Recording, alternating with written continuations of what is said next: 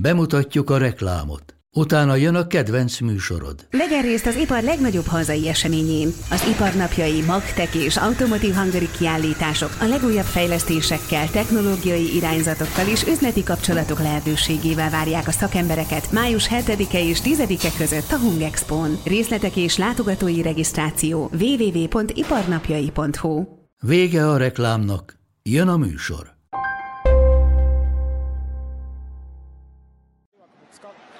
使いましたけどちょっとチャンス前を向く浅野が行くスピードのある浅野だ来たよーし日本逆転したぞ Sziasztok, újra itt a Katarodó, mert hogy újra véget ért a világbajnokságon egy nap. Ez már a negyedik, hogyha a teljes napokat nézzük, akkor a harmadik. Most Váhi Bencével beszéljük meg gyorsan, hogy mi is történt ezen a napon. Hát hallottátok az előbb a legfőbb eseményt talán, hogy Japán megverte Németországot hátrányból fordítva, de kezdjük az unalmas meccsel.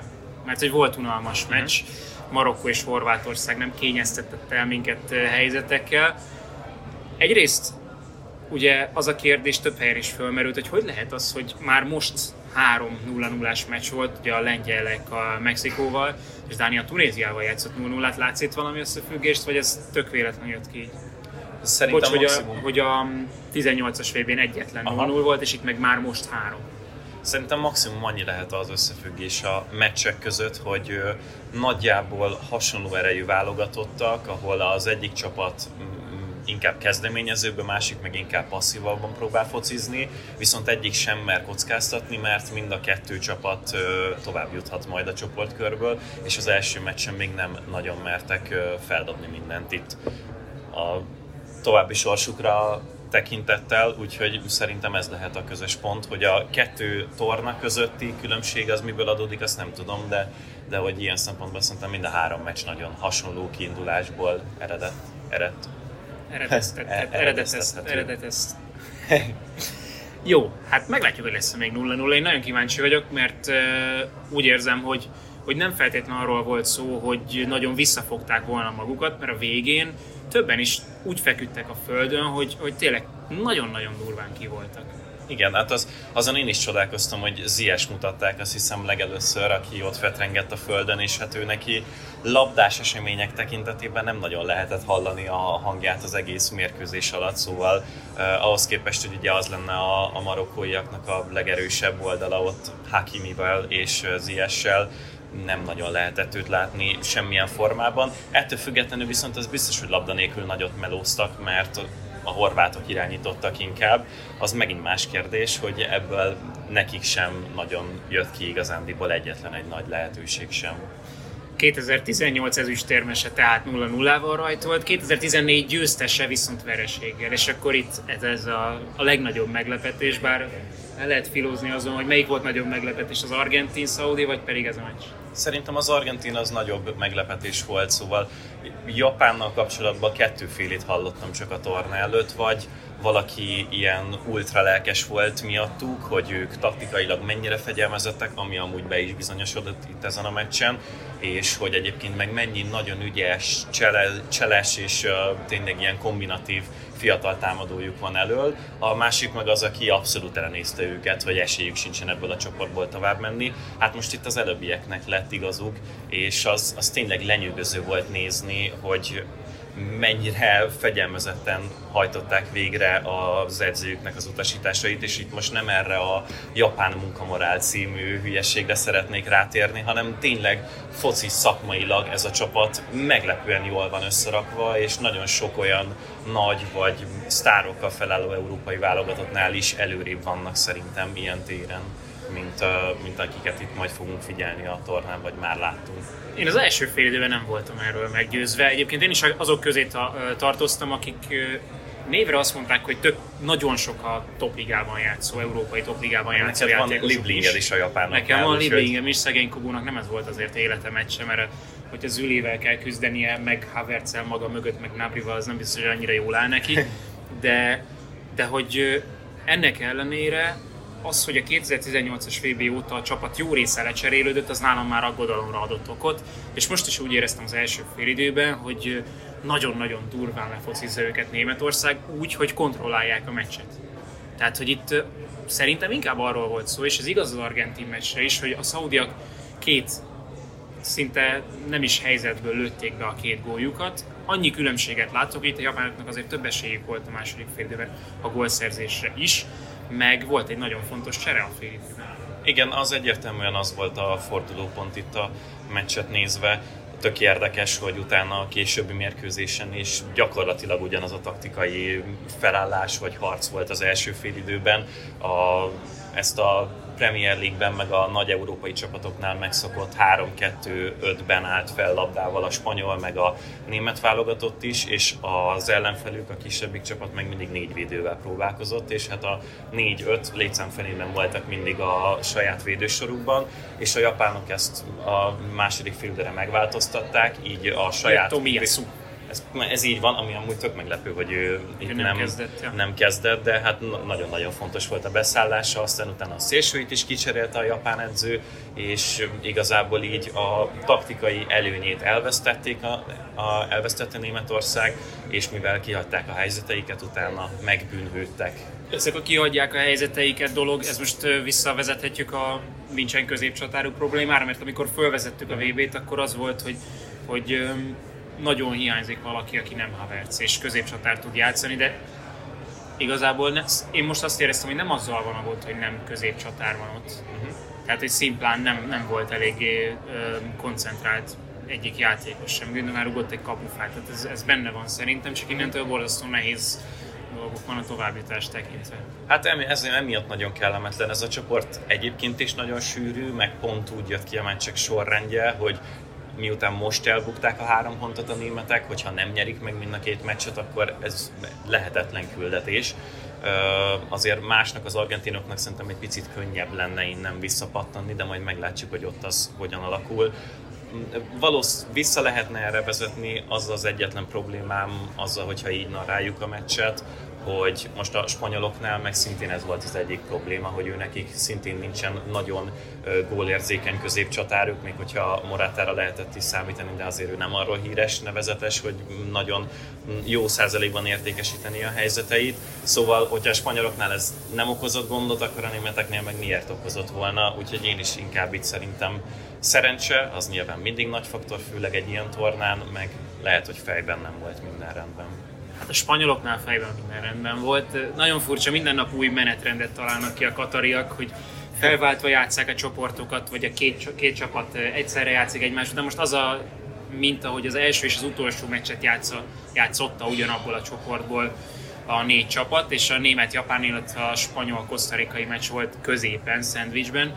Hát a spanyolok voltak talán a legmeggyőzőbbek eddig a, a tornát tekintve. Tehát ez a 7-0, ez még az angolokénál is erőt demonstráló eredmény, illetve hát az a magabiztosság, ami tényleg középcsatár nélkül is sugárzott ebből a spanyol csapatból. Nem tudom, hogy érdemes itt hurrá optimizmussal hozzáállni a következőkhöz. Én szerintem eleve kellemetlenül negatív volt a felhangja a spanyoloknak a készülésének, szóval, hogy a, soha nem értettem én így személyes nézőpontból, hogy miért ennyire negatív mindenki velük kapcsolatban. Az majdnem egyértelműen kijelenthető, hogyha nem is a legjobb, biztos, hogy a top 3 legjobb edzője a spanyol válogatottnak van az egész tornán, és ebből fakadólag, amit Luis Enrique itt letesz taktikailag alapjának ennek, a, ennek az együttesnek, az egyfolytában kivilágít minden egyes szereplésükből, és szerintem ez most is így volt. Tehát i- ilyen szempontból semmiféle kritika nem érhette őket, és az, hogy ezen a meccsen minden egyes olyan támadó, aki kapu elé kerülhet, és adott esetben gólhelyzetbe kerülhet, az most gólt lőtt, önbizalmat szerezhetett, vagy csak egyáltalán itt a csapatnak a hangulatából felvehet magának valami kis erősítés lelkileg, az egy nagyon jó jel a továbbiakra nézve. Hát Úgyhogy- főleg úgy, hogy még forgathatott is Luis Enrique, tehát beállhattak azok, Igen. akiket nem feltétlenül vártunk volna az első meccsen, akár a most behívott Alejandro Balde, vagy Nico Williams is játszhatott, fölvették a ritmust, még erre is futotta, és ráadásul az meg a másik, hogy olyan kezdővel állt ki Luis Enrique, amire nem számítottunk feltétlenül. Ugye Asensio volt a középcsatár, oké, okay. Dani Olmót nem mindig láttuk kezdőként ebben a csapatban, sokszor egyébként Sarabia kárára, Na, de a legnagyobb változtatás a védelemben volt. Mit szóltál hozzá, hogy Rodri a közép hátvéd? Ez inkább ennek a meccsnek szólt, mert egy kevésbé fontos ö, védekező feladatok vannak, vagy más jellegű védekező feladatok vannak Kosztarika ellen, mint mondjuk Németország ellen, vagy a németeken is lehet, hogy ez lesz be kell vallanom őszintén, amikor megláttam a kezdőt, akkor először azon kezdtem el gondolkodni, hogy ebből hogyan fog majd valami dupla hatos szerű, nagyon furcsa labdás felállást csinálni Erike, hogy Busquets és Rodri egymás mellett legyen, mert azt először nem hittem el neki, hogy tényleg ekte közép hátvéd lesz majd Rodri, és maximum föllépeget. Aztán mégis ez történt, és ez tényleg nagyon furcsa nem, nem akarok nagyon határozott választ adni erre, azért, mert, mert én sem tudom. Önmagában azt mondani, hogy Rodrinak a, arra a védő munkájára építve, amit ő a Citynek a támadó sora mögött elvégez amúgy a Premier League-ben, meg évközben, azt mondani, hogy emiatt ő kevésbé lehet gyenge pont, mint mondjuk uh, Pau Torres, vagy Eric Garcia. vagy Eric Garcia, abban én abszolút látnék kiindulási alapot, meg értelmet.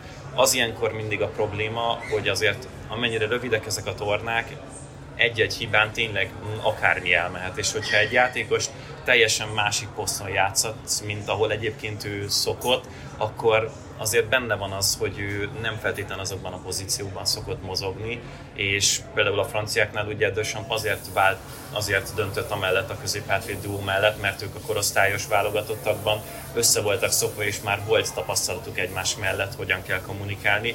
Na most ez itt a spanyoloknál nincsen meg, ezért látok is benne értelmet, meg nem is, úgyhogy elképzelésem sincsen, hogy ki fog-e tartani emellett, vagy sem. Na és ki mellett fog kitartani szegény Roberto Martinez, mert hogy eh, ez a mai teljesítmény a belgáknak ugyan győzelem lett belőle, de nem nézett ki jól, és akkor azt hiszem óvatosan fogalmaztam. Hát megszületett szerintem az első olyan eredménye a tornán, amikor az esélytelenebb csapatra azt lehet mondani, hogy bár nyertek végül, mert valószínű az egyéni kvalitásai jobbak a, a játékosaiknak, de hogy hát megérdemeltnek semmiféleképpen sem lehetne mondani ezt a belga győzelmet. Úgyhogy hogy ki mellett fog kitartani, és ki marad majd a kezdőcsapatban a következő mérkőzésen, azt nem tudom, de itt Kanadát mindenféleképpen meg kell dicsérni, ez elképesztő, bátor, bevállalós és a minden eddigi esélytelenebb, kisebb csapattal szembe menően tényleg vakmerő hozzáállás volt, úgyhogy élmény volt nézni ezt a meccset, bár egy picit ilyen káoszos jellege volt az egésznek, de, de legalább szórakoztató volt.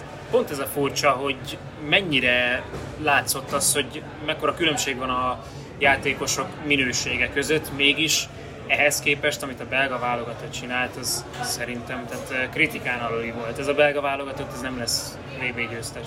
Nem, ez tökéletesen egyet tudok érteni ezzel.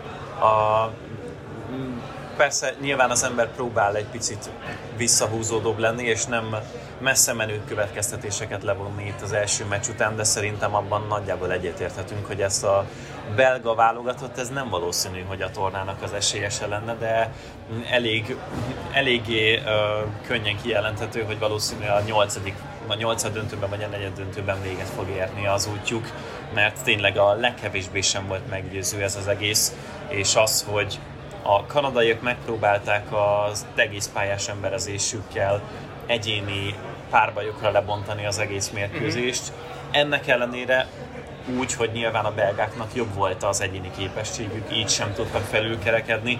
Ez azért elég sokat elmond mind a, a belga válogatottnak a teljesítményéről, mint pedig az egész találkozóról. Meglátjuk, mit az a folytatás. Én itt nagyon nehezen tudom elképzelhetőnek tartani, hogy hogy Belgium ezen nagyon sokat változtasson, de az már a következő napoknak a zenéje, ami a konkrétan holnapi programot illeti.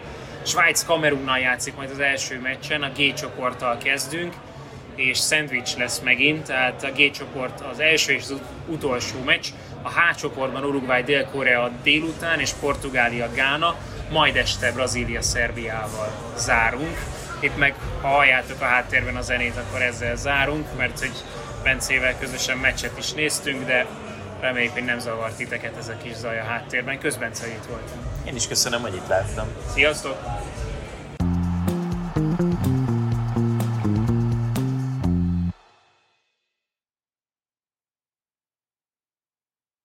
Ez a műsor a Béton közösség tagja.